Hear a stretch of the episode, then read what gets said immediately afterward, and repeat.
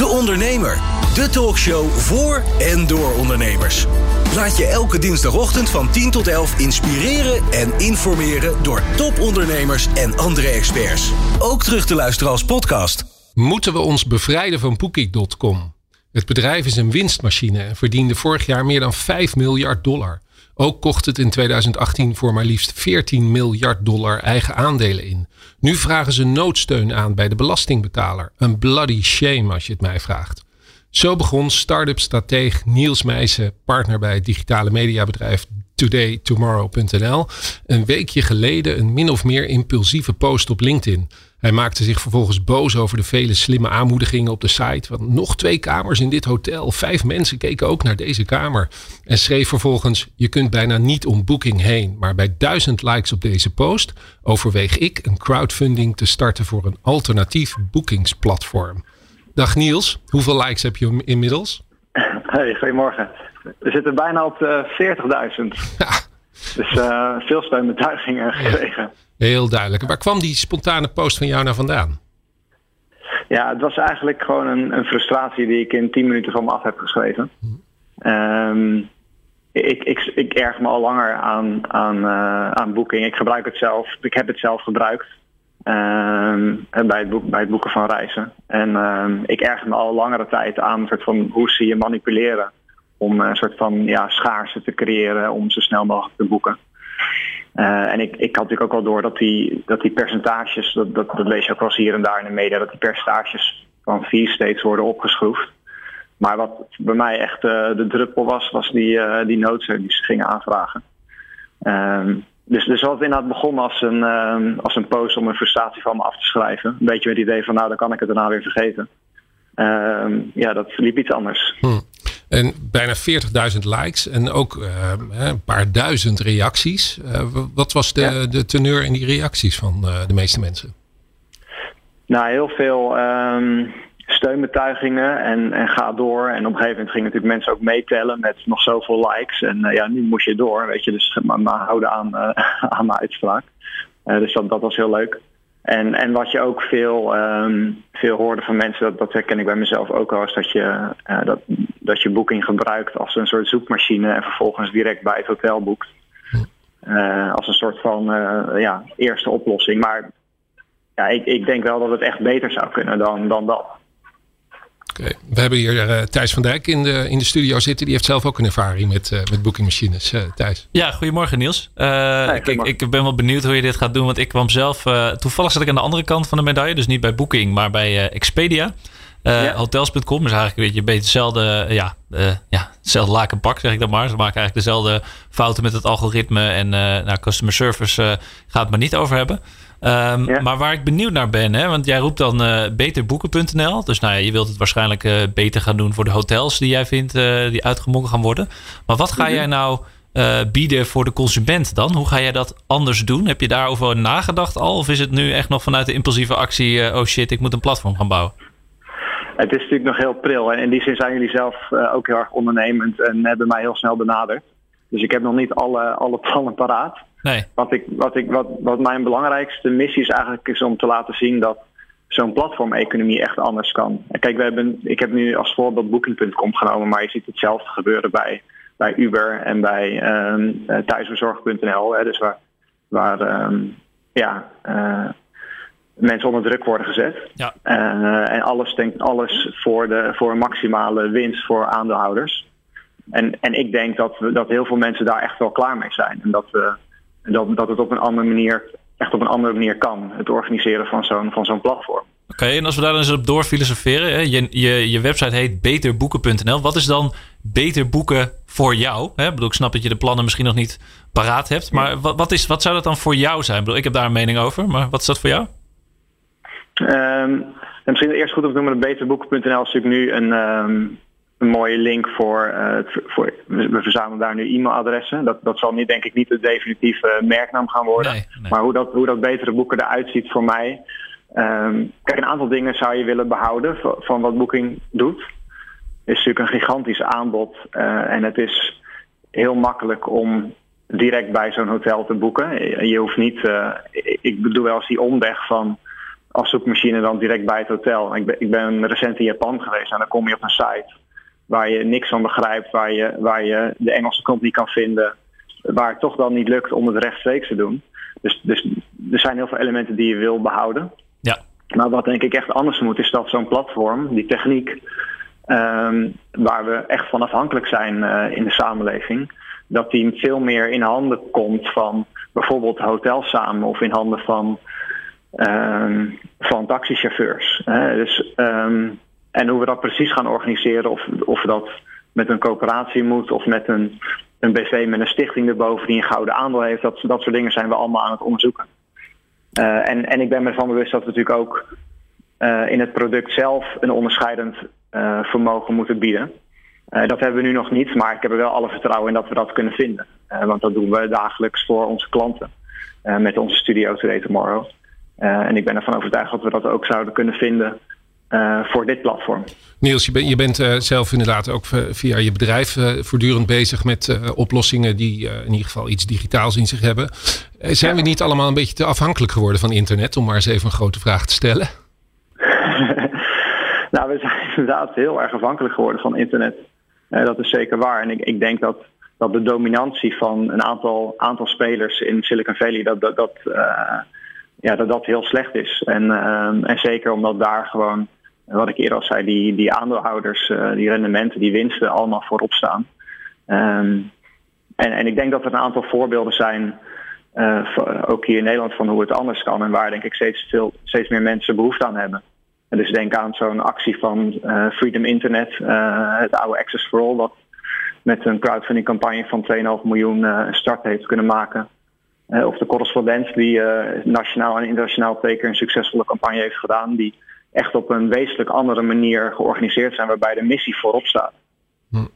En um, als je kijkt naar bijvoorbeeld Facebook, uh, Uber enzovoort, die, die maken de, de gebruiker toch redelijk afhankelijk. En door zijn enorme massa uh, is het ook gewoon een, een, hele interessante partij voor een hele, hele hoop uh, consumenten. Zou je dat niet op de een of andere manier meer moeten opsplitsen? Het gebeurde wel eens. Hè? De oliebedrijven zijn opgesplitst in Amerika. Ja. Zou je niet, niet dat soort bedrijven ook meer moeten opsplitsen? Is dat überhaupt bespreekbaar? Nou, je hoort daar wel steeds meer geluiden over.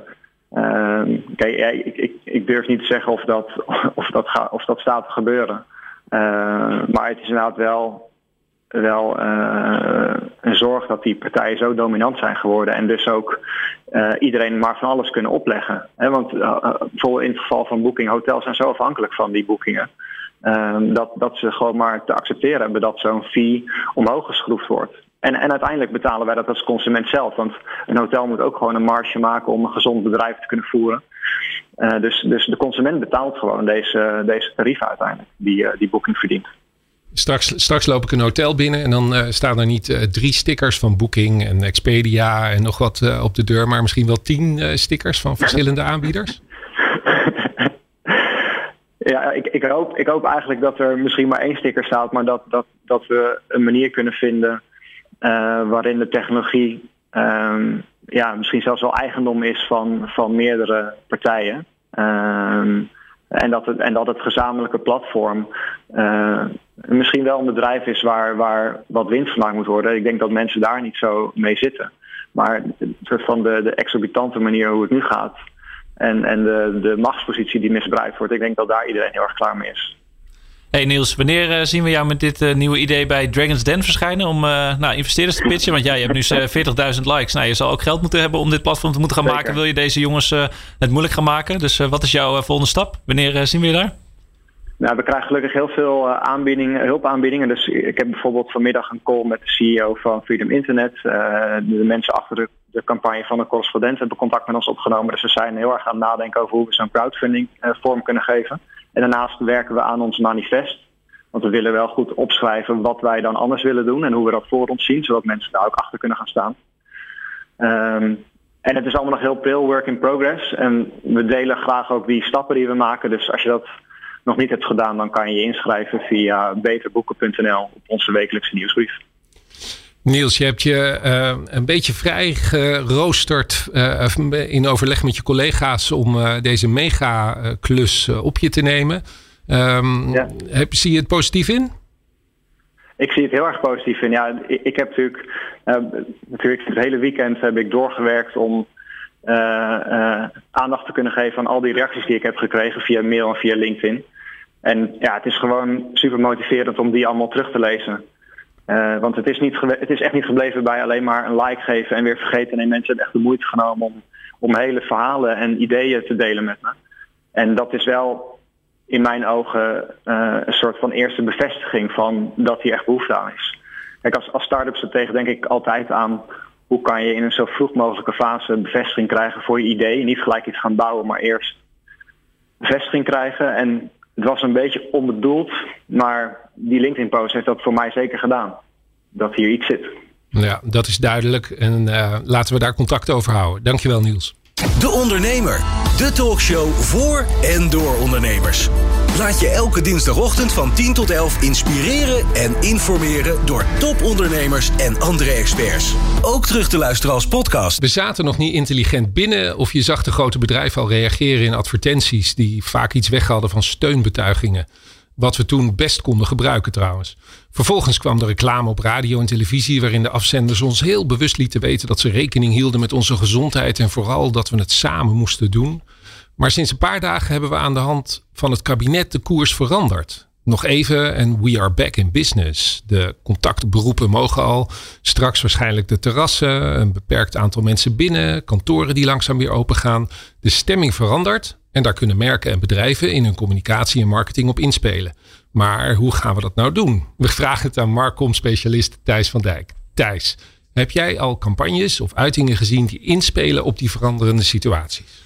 Nou ja, tot op heden uh, verrast het weinig, Thomas, moet ik heel eerlijk zeggen. Um, ik, ik, zag wel, uh, om even in te haken op Back the Business. Ik zag als eerste de campagne uh, van Suit Supply. Met daarin Jort Kelder. Waarin ze echt de, de campagneslogan We are back to business gebruiken. Hè, als, als allereerste. En ja, zoals gebruikelijk voor Suit Supply zijn er natuurlijk weer voorstanders en tegenstanders van deze uiting. Om heel eventjes voor de luisteraars duiding te geven over hoe deze campagne eruit ziet. Het is voornamelijk een, een buitenreclame campagne geweest. Die ze met, met posters ondersteunen.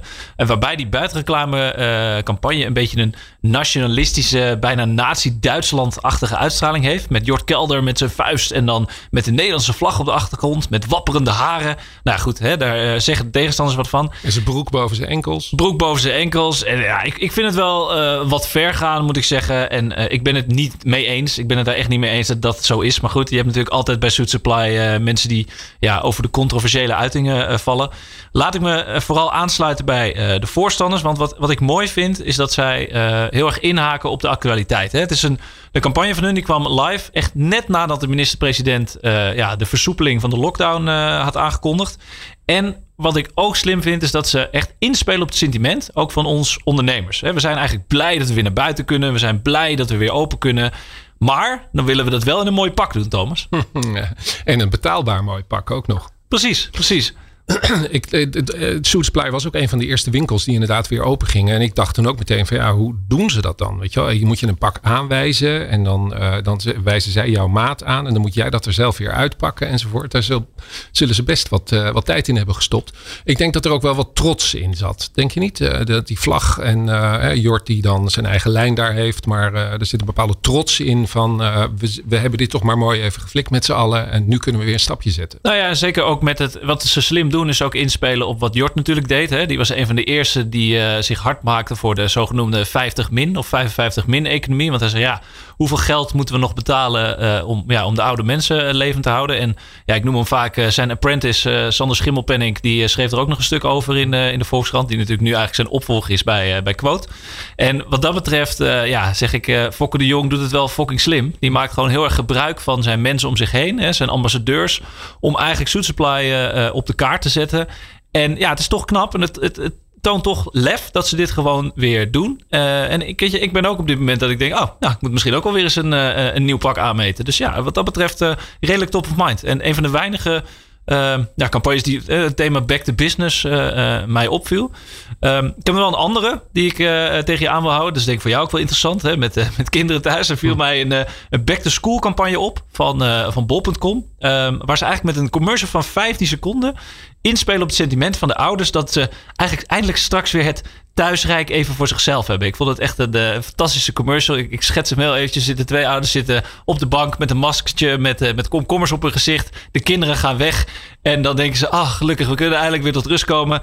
En dan bam, dan komt het kind weer terug en zegt: Papa, ik heb mijn schooltas vergeten. en dan, nou, dat, um, ja, wat ze daar wel leuk in doen, dat ze eigenlijk zeggen: van nou, weet je wel, je kunt het hè, thuis weer leuk maken. Je kunt even genieten. Dus je kunt ook die producten bij, uh, bij bol.com bestellen. En ja, verder moet ik zeggen, uh, waren de voorbeelden tot nu toe nog wat schaars. Uh, dus hierbij ook de uitdaging voor, voor iedereen die luistert. Pak de handschoen op en, en toon lef. En ja, ga iets doen met de veranderende situatie. Ik herken dat, uh, dat gevoel van uh, de kinderen mogen weer naar school. Uh, absoluut. Het is vandaag dinsdagochtend. Gisterochtend was de eerste ochtend dat onze twee jongens weer naar de basisschool gingen. Ik heb echt twee minuten lang zitten, zitten genieten van het feit dat er totale stilte om me heen was. En mijn vrouw die zat boven en die had ook datzelfde gevoel. En het was even weer uh, het gevoel dat er ook iets nog van jou is. En dat was heerlijk. Laten we eens teruggaan naar uh, het begin van de, uh, de hele crisis. En, en de manier waarop er toen werd gecommuniceerd. Want daar hebben we het natuurlijk al vaker over gehad. Maar ik wil dat toch nog even als een vertrekpunt nemen voor de rest van dit gesprek. Nou, wat ik, uh, om daar heel even eerlijk op in te gaan. Wat ik vind is dat uh, veel merken ook corona weer een beetje gebruikt hebben voor hun uh, zogenaamde purpose marketing. Hè. We moeten weer een doel hebben. En ze gebruikten eigenlijk om ja, corona om hun merk van de goede kant te laten zien. Hè. En ik introduceer nu ook weer even een, een nieuwe term. veel merken doen ook aan corona washing. Nou, we hm. kennen natuurlijk pinkwashing en, en greenwashing. Hè. Doen alsof je iets goed doet, maar uiteindelijk niet. Kijk, er zijn heel veel bedrijven die dan zeggen: Nou ja, we zijn heel goed bezig met de corona-oplossingen. We kunnen anderhalve meter bij elkaar vandaan zitten. Maar wat ze even niet communiceren is dat ze het bedrijf uh, reorganiseren. De helft van de, van de ondernemers ontslaan. En het meest uh, ja, treffende voorbeeld vond ik wel het bedrijf Bird in Amerika. Dat maakte elektronische stepjes. Maar daarin werden dus 400 medewerkers gewoon ontslagen via Zoom. was een soort robotstem. Leek een beetje op Black Mirror. Ik vind het echt een extreem voorbeeld. Ik heb het filmpje gezien en ik denk, nou, wat gebeurt hier? Maar dan was het echt zo, thank you for coming. This is your last day at Bird. Thank you, you're fired. Echt een soort apprentice-achtige stem. En, uh, en, en dat was echt een bizar voorbeeld. Maar uh, wat me vooral wereldwijd opvalt, ik heb me uh, voor de uitzending eventjes verdiept in nou, welke campagnes zijn er allemaal geweest, is dat elk merk een beetje hetzelfde communiceerde. Nou, dat kan dan nog, hè, van stay safe of stay home of stay strong. Maar ook de reclamecommercials hadden dezelfde muziek. Hè? Er was een soort sombere pianomuziek.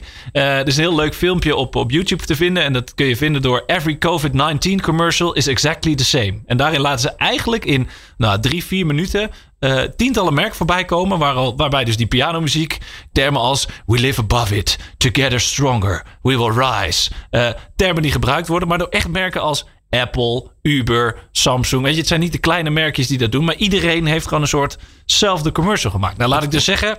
Veel campagnes blonken niet echt uit in uh, originaliteit, Thomas. Nee, dat ben ik met je eens. Het was voor een hele hoop uh, mediabedrijven in ieder geval uh, het kleine beetje inkomsten dat ze hadden door de pagina's die er door de grote supermarkten bijvoorbeeld werden geplaatst van dankjewel of bij ons kun je, kun je boodschappen doen. Want uh, natuurlijk, die bedrijven hebben ook enorm te lijden gehad onder het feit dat er zoveel uh, campagnes uh, werden teruggetrokken, stop werden gezet of noem maar op.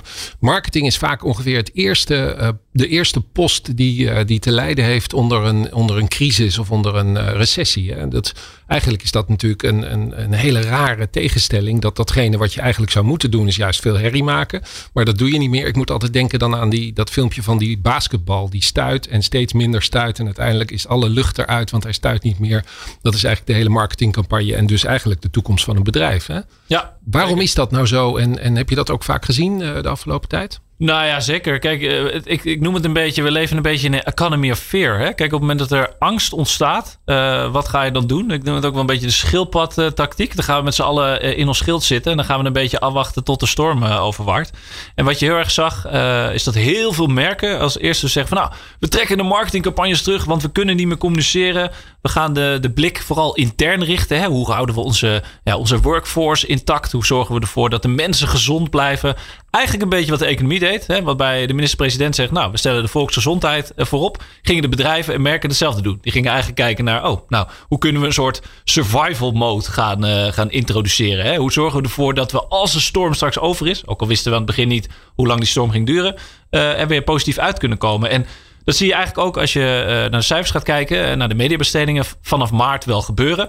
Uh, ik heb een aantal mensen gesproken en bijvoorbeeld bij partijen als RTL Ad Alliance heeft dat geresulteerd in nou, dat er miljoenen gewoon wegliepen. En dat ze dan zeggen, nou ja, we gaan onze reclamezendheid aan ondernemers, vorige week kwam dat naar voren, gratis aanbieden. Dus hè, rondom de grootste shows zoals Lego Masters, maar ook een Bo die het nu goed doet, gewoon ja, gratis zendtijd aanbieden. Nou, de NPO deed dat eigenlijk ook al. Ehm, en wat je vooral ziet is dat adverteerders echt zeggen: Nou ja, als ik het niet hoef uit te geven, dan doe ik het gewoon niet. Het, het voelt een beetje als een ja, mooi moment om te renoveren, te reorganiseren. Een, een, goed excuus. Terwijl ik eigenlijk van mening ben dat je anticyclisch moet adverteren. Want als je het hebt over een klutter waar je in zit. Hè, we zitten vaak in de mediaklutter en iedereen zegt: Hoe val je dan op in die periodes?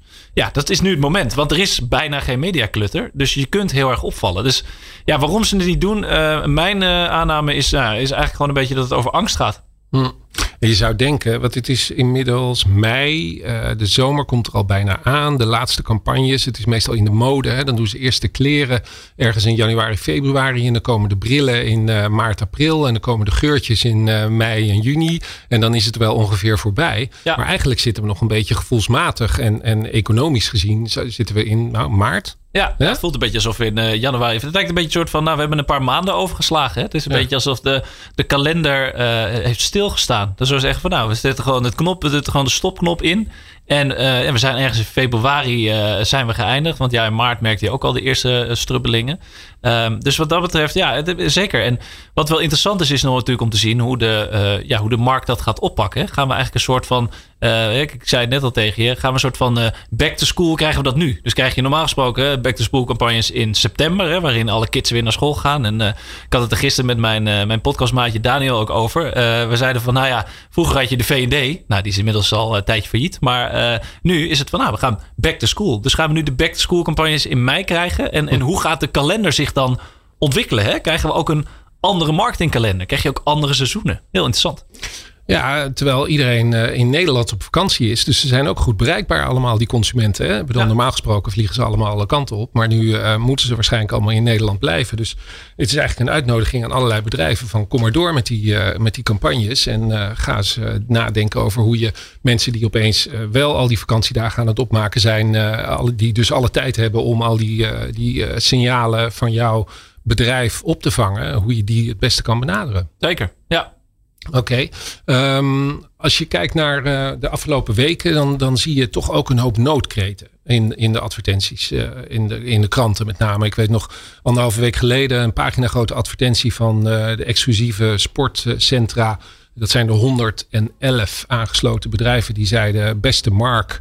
En, en eigenlijk gericht op de premier van zo langzamerhand is uh, datgene wat je doet, is eigenlijk minder, minder erg dan de, de, de kwaal die je daarmee creëert. Omdat mensen niet meer voldoende bewegen. Wij kunnen al lang open. We hebben de protocollen al lang ingeleverd.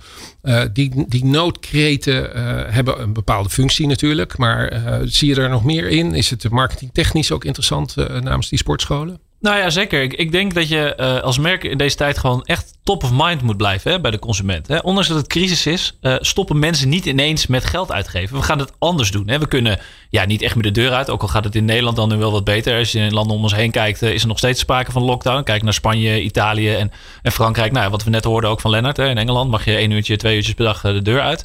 Dus bij ons is het allemaal niet zo, zo heftig. Maar als, als consument moet je eigenlijk wel op zoek naar alternatieven. Hè? Je uitje wat je vroeger had naar de winkelstraat. Of nou, nu kan je weer naar Ikea en nu kan je weer naar buiten. Maar wat je had, dat moet je, uh, ja, moet je een alternatief voor vinden. Dus kijk bijvoorbeeld naar uh, partijen als Picnic of een HelloFresh. Hè? Maar ook uh, Zalando, Bol.com en Coolblue. Die juist in deze tijd kunnen en ook gaan profiteren van het feit dat, dat iedereen massaal online gaat shoppen. Want ja, het is echt heel makkelijk. Nou, je bezorger komt, die zet hem anderhalve meter voor de deur, drukt op de bel en je kunt zelf je pakketje openmaken, even ontsmetten en weer doorgaan. Dus kijk, en de, de kracht van adverteren in dit soort situaties is dat je dus juist nu op kunt vallen. Want ja, wat ik net al zei, de mediaclutter is er niet. Hè, die is minder groot uh, dan normaal. Dus eigenlijk kun je met minder mediabudget dan normaal een veel grotere impact maken. Alleen je moet wel heel goed nadenken over de boodschap. En, en dat het geloofwaardig is en authentiek is. Want ja, anders trappen die consumenten daar gewoon niet meer in. En wat jij net ook zegt, hè, die, die pagina grote oproepen. Nou, we hebben er een aantal gehad. Ik zag er ook eentje van uh, horeca-ondernemer uh, Laurens Meijer. die, en die, eigenlijk was het een soort combinatie met de ingezonden brief van, van Gerard van den Broek, van de ondernemer. Die ook iets deed met beste Mark. Hè dat resulteert wel effect. Dus je kunt adverteren tegenwoordig ook inzetten om het gesprek op gang te brengen. We hebben het vaak over de ja, conversatie-economie of de dialoog-economie. Uh, wat je natuurlijk nu ziet, is dat ja, adverteren meer een soort van nou ja, de hulpvraag is of de oproep is om het gesprek aan te gaan. En daar heeft, heeft toch wel resultaten uh, gehad voor het opstarten van, van de economie.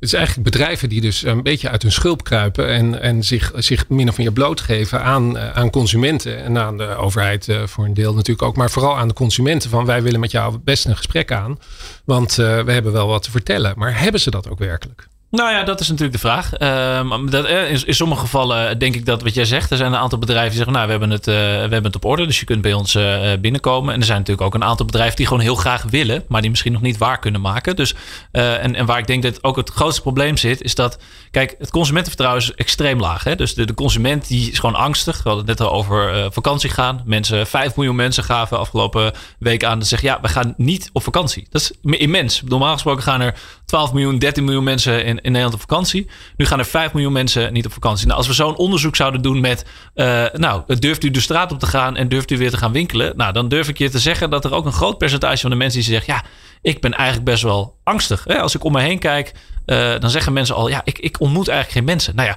ga jij naar het openbaar, uh, het openbaar vervoer in? Nou, met mondkapje of niet? Ga jij naar de kapper? Ga jij naar de, de schoonheidsspecialist? Ga jij straks weer sporten tussen de zwetende mensen? Of ze nou wel of niet open gaan voor 1 september? Daar zit het, het, het grootste probleem in. Dus uh, ja, dan kun je het wel waar kunnen maken. Maar als er niemand komt, ja, dan heb je je winkel ingericht en dan blijft de consument weg. Dus ik denk dat je echt op zoek moet naar ja, alternatieve businessmodellen en alternatieve manieren om, uh, om je merk aan de man te brengen. Zie je daar ook een, een ontwikkeling binnen bijvoorbeeld de, de, reclamebureaus die dat soort campagnes zouden moeten ontwikkelen? Worden, worden dat soort vragen gesteld? Komen ze zelf met dat soort initiatieven? Gebeurt daar überhaupt wat? Of zitten ze allemaal te wachten tot er weer een order binnenkomt? Nou ja, kijk, het probleem is een beetje in onze industrie. Ik had het daar vanochtend ook met uh, collega Robert van der Ham over. Kijk, we zitten natuurlijk in een soort van uh, ja, stigma. We zijn een bepaalde manier gewend van sales. We zijn een bepaalde manier gewend van onszelf uh, verkopen. Of het nou om advies gaat, of over marketing gaat, of over nou ja, het verkopen van tv-zendtijd. ik denk dat er zijn wel een aantal voorbeelden. Wat ik net zei, zo'n zo'n bol.com, dat wordt door een reclamebureau Dept ontwikkeld. En die gasten zitten dan in een WhatsApp-groep met elkaar te discussiëren over. Oh, fijn hè, dat de kinderen weer weggaan. En dan denken ze, oh, dat is eigenlijk best wel een interessant business insight. En dan gaan ze daar iets mee doen.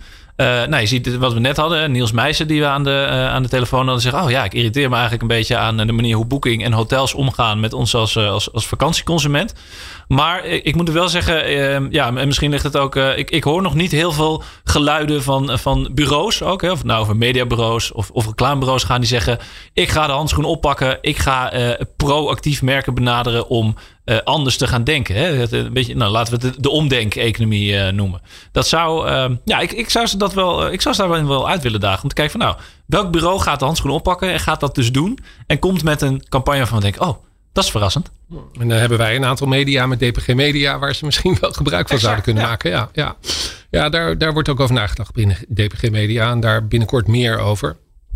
Als je nou kijkt naar uh, waar we het net over hadden. We zitten eigenlijk in een soort rare periode. Dat normaal gesproken de zomer bijna zover zou zijn. Iedereen werkt zich nu of, of trekt zich een beetje naar de zomervakantie. Nou, Tegelijkertijd gaat het nu opeens over uh, wellicht dat scholen zelfs in de zomer door moeten als kinderen te grote achterstanden hebben opgelopen. Dus we zitten inderdaad in een soort hele rare omgekeerde uh, periode.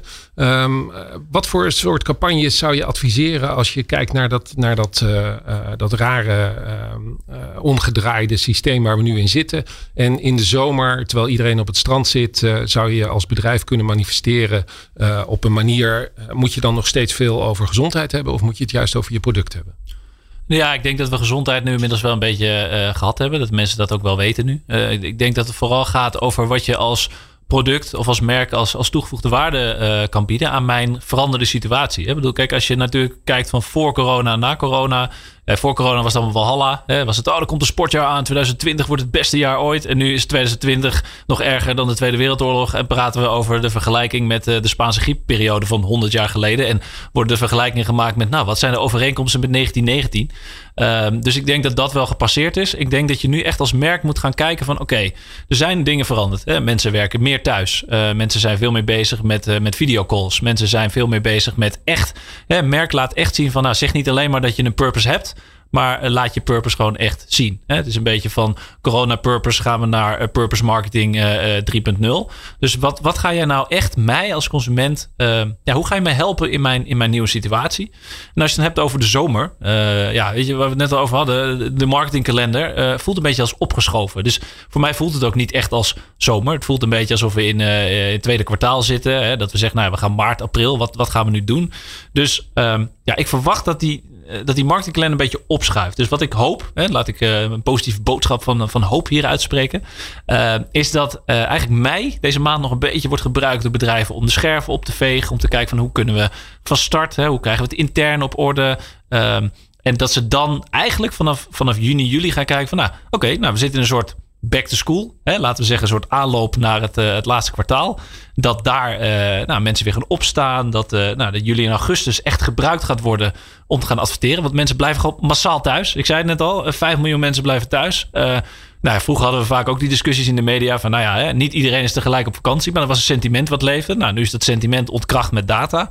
Dus ja, Ga gebruik maken van de traditionele media die het heel goed doen. Denk aan televisie, denk aan, aan, dagbladen, maar ook aan, aan nieuwsites, waar wij, bij DPG Media en ondernemer natuurlijk ook uh, resultaten van zien. Die doen het gewoon heel goed. Dus wat mij betreft zijn dat gewoon echt kansen voor adverteerders en merken om ja, nu in de zomer te zeggen, nou we gaan de consument bereiken. En ik hoop ook echt uh, nou, dat we snel die scherven kunnen opvegen. En dat langzaam de blik weer uh, van merk ook op de toekomst kan worden gericht. Waardoor ja, de zomer echt een, ja, een van de mooiste zomers ooit wordt voor, voor adverteren in Nederland. Dat zou toch een mooi streven zijn. En uh, hoe moet MKB hiermee omgaan? Hè? De, de, wat, wat grotere, de wat grotere merken en bedrijven, dat is logisch. Die, die zijn ook gewend om grote media uh, budgetten te hebben en die in te zetten. Maar het MKB heeft het natuurlijk ook zwaar. Zijn er manieren voor het MKB om nu eens echt extra op te vallen? Nou ja, je ziet natuurlijk ook wat, uh, wat wij met de ondernemen met hashtag support ondernemers doen. Hè. Wat je natuurlijk heel erg slim ziet, is dat zij heel erg bezig zijn ook met, met innovatie. Kijk, uh, het, het, probleem met veel ondernemers, ik ben er zelf ook één, is dat je blijft rennen, rennen, rennen. En op een gegeven moment denk je, oh shit, misschien moet ik ergens een keer stil gaan staan en gaan kijken, wat kan ik anders doen, wat kan ik beter doen, wat kan ik evalueren. Dus ik denk dat dit de tijd voor, voor MKB'ers en ondernemers is om echt even te reflecteren en te kijken van, hé, hey, uh, is mijn product of is mijn service of is mijn dienst nog echt zo goed als dat het misschien een paar jaar geleden was? En hoe kan ik uh, dat innoveren? Hoe kan ik ook meer gaan samenwerken? Het probleem wat, wat ik zie bij veel ondernemers is dat je natuurlijk heel erg individueel bent. Hè? Dat je heel erg bezig bent met je eigen verhaal. Maar kijk eens om je heen. Weet je, misschien kun je samenwerkingen gaan, uh, gaan oppakken. Waardoor je op een simpele manier je bereik kunt vergroten. Win-win kunt denken. Misschien content samenwerkingen aan kunt gaan. Zeggen, hey, ik heb mooie content voor jouw platform. Wellicht heb jij dat voor mij. Het is, wordt meer een soort ja, diensten uitruil. We gaan een beetje terug in de tijd. Een beetje naar, naar ruilhandel. Maar ik denk dat daar heel veel ja, snelle winst te behalen is. En op het moment dat je uh, je eigen scherf op opgeveegd. En dat iedereen zijn financiële steun heeft gekregen. En weer een beetje een gevoel heeft van nou, het komt wel goed. Hè? Want ook bij de ondernemers. Eh, ik, ben, ik heb dat zelf ook. Dat ik denk ja, hoe ga ik de komende drie maanden um, ja, in de zomer, wat gaat er gebeuren? Hè? Hoe ziet de toekomst eruit? Um, wanneer gaan we weer uh, vol gas aan, aan het werk? Um, ja, ik denk dat dat wel een hele belangrijke is om gewoon over na te denken. En gewoon eens met andere ondernemers om je heen te praten en te zien van waar kun je elkaar versterken zonder dat het direct geld moet kosten. Ik zie heel veel kansen voor uh, bedrijven die ondernemers kunnen helpen met social media. Zeker, ja. Daar, daar ligt echt een enorme kans. Uh, het is een, uh, gigantisch bereik en je kunt heel makkelijk en heel snel met hashtags bepaalde groepen eruit selecteren. Ja. Het was heel snel al natuurlijk een, een medium waar nou, in, inmiddels je moest foto's van uit alle hoeken van je product laten zien. En ook nog eens een keer in een beetje een levendige situatie en noem maar op. Maar tegenwoordig kan bij wijze van spreken zelfs de groenteboer, met alle respect voor de groenteboer trouwens, maar die kan, kan ook social media inzetten om, om zijn klanten eh, op een goede manier te bereiken. Nou ja, terecht wat je zegt. En, we hebben natuurlijk nu veel meer tijd dan dat we normaal hadden. Alleen je moet je tijd gewoon beter gaan indelen. Kijk, heel veel mensen die zijn op zoek naar een nieuw patroon in het, uh, in, het nieuwe normaal. En ik denk wel dat als je dat dus doet, hè, dat je daar ook op zoek gaat naar mensen van... hey, kun je mij adviseren over... nou, kijk eens even naar mijn Facebookpagina of naar mijn Instagram of naar mijn, mijn YouTube inzet. Hoe kan ik dat beter doen? Kijk, en daarbij moet je niet vergeten dat social media organisch niet meer het bereik heeft wat het vroeger had. Hè. Nu bereik je misschien 2 tot 5 procent van de mensen dus zul je wel kleine budgetjes moeten gaan inzetten. Maar dat kun je ook gewoon op een, een, een, slimme manier doen. Hè? Net als dat je zoekmachine marketing op een slimme manier kunt inzetten. Hè? Wat zijn op dit moment de vragen die mensen hebben in jouw industrie?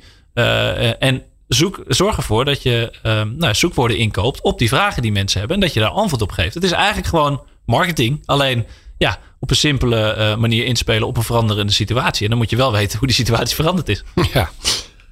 Thijs, we begonnen dit, eh, dit gesprek met een, eh, het beeld van Jort Kelder, wat ik nog steeds niet van mijn netvlies trouwens heb. In, in zijn broek boven zijn enkels uh, en zijn bretels ongetwijfeld. Zijn haar in de wind en een uh, wapperende vlag op de achtergrond. En uh, een beetje een nationalistisch gevoel misschien, maar laten we het vooral ook een trots gevoel en, en ook een respect voor de ondernemer die zo snel alweer daarop inspeelde en ook nog eens een keer al zijn winkel zo opengooide. um, in hoeverre kunnen we gebruik maken van deze situatie? Of moeten we gewoon trots zijn op wat we zijn en gewoon weer gewoon normaal gaan communiceren? Nou ja, ik denk dat je zeker uh, gebruik kan maken van deze situatie. Hè? Bedoel, het, voelt een beetje als uh, trots op Nederland. Nou, we hebben alle initiatieven die we voorbij zien komen. Nederland staat op, Nederland begint weer, Nederland start weer op, support ondernemers. Ik denk dat we wat dat betreft, uh, ja, dat we, dat we daar echt gebruik van kunnen maken. Maar om het, verhaal af te een beetje een, een, een positieve einde aan te breien. Denk dat ik drie tips heb voor mensen om ja, eigenlijk aan de slag te gaan. Hè? Die zeggen van oké Thijs, leuk al deze verhalen, maar wat moet ik nou doen? Kijk, er zijn eigenlijk drie dingen het gaat echt om vertrouwen. We hadden het al over het consumentenvertrouwen. Je moet als merk vertrouwen uitstralen. Kom bij mij en ik help jou met jouw problemen of jouw wensen die je op dit moment hebt. Dus echt zorg dat je dat waarmaakt. Dan komen we weer terug bij oude termen als authentiek en puur en, en dat soort zaken. Maar dat moet je wel echt uitstralen. En zeg bijvoorbeeld, nou, alles komt wel goed. We gaan het samen, hè, waar we ooit begonnen bij de coronacrisis. We moeten er samen uit met 17 miljoen mensen. Gaan we samen zorgen, merk, jij, consument en ik, dat het goed komt. Um, en uh, wat het interessante is, uh, en wat je, om aan te haken op jouw social media verhaal, dan ga ik meteen door naar mijn tweede punt, is dat het allemaal gaat over gedeelde ervaringen, gezamenlijke ervaringen. Wij hebben allemaal nu in 2020 de coronacrisis meegemaakt. Dus we weten allemaal hoe, dat, hoe, hoe erg dat is, om eventjes uh, tussen aanhalingstekens te praten. Maar we gaan er ook weer samen uitkomen. Het gaat ook weer voorbij. Dus bied als bedrijf dus die oplossingen. Hoe ga je dat samen doen? Ga die dialoog aan. Gebruik daar dus ook social media in, platformen in, uh, je WhatsApp-communicatie, nou, noem het maar. Hè, alles waar je het gesprek in kunt aangaan. Om te zeggen van nou, wat heb jij nodig om daar uit te komen? En als laatste, uh, en dan rond ik af met, met Mark Rutte. Hè, dan zeggen we, die derde, is de laatste conferentie. Die zei, het stipje aan de horizon biedt een perspectief. Wat is het stipje op de horizon die ik als merk aan jou als gebruiker of als koper kan bieden. Hoe gaan de komende jaren eruit zien? Ga niet alleen maar bezig met je marketingkalender van nu, of over twee weken of over twee maanden. Maar denk bijvoorbeeld aan vakantie, waar we het over hadden. De zomer doorbrengen. Het najaar, herfstvakantie, kerstvakantie. Hoe kan je als consumenten, uh, hoe kan je daar als merk mensen bij helpen? Dankjewel Thijs. Nederland start weer op. Dat geldt ook voor deze, deze vaste uitzendingen. Elke dinsdag. En volgende week dinsdag zijn we er ook weer om 10 uur bij New Business Radio. Dit was het voor deze week. De Ondernemer. De talkshow voor en door ondernemers. Laat je elke dinsdagochtend van 10 tot 11 inspireren en informeren door topondernemers en andere experts. Ook terug te luisteren als podcast.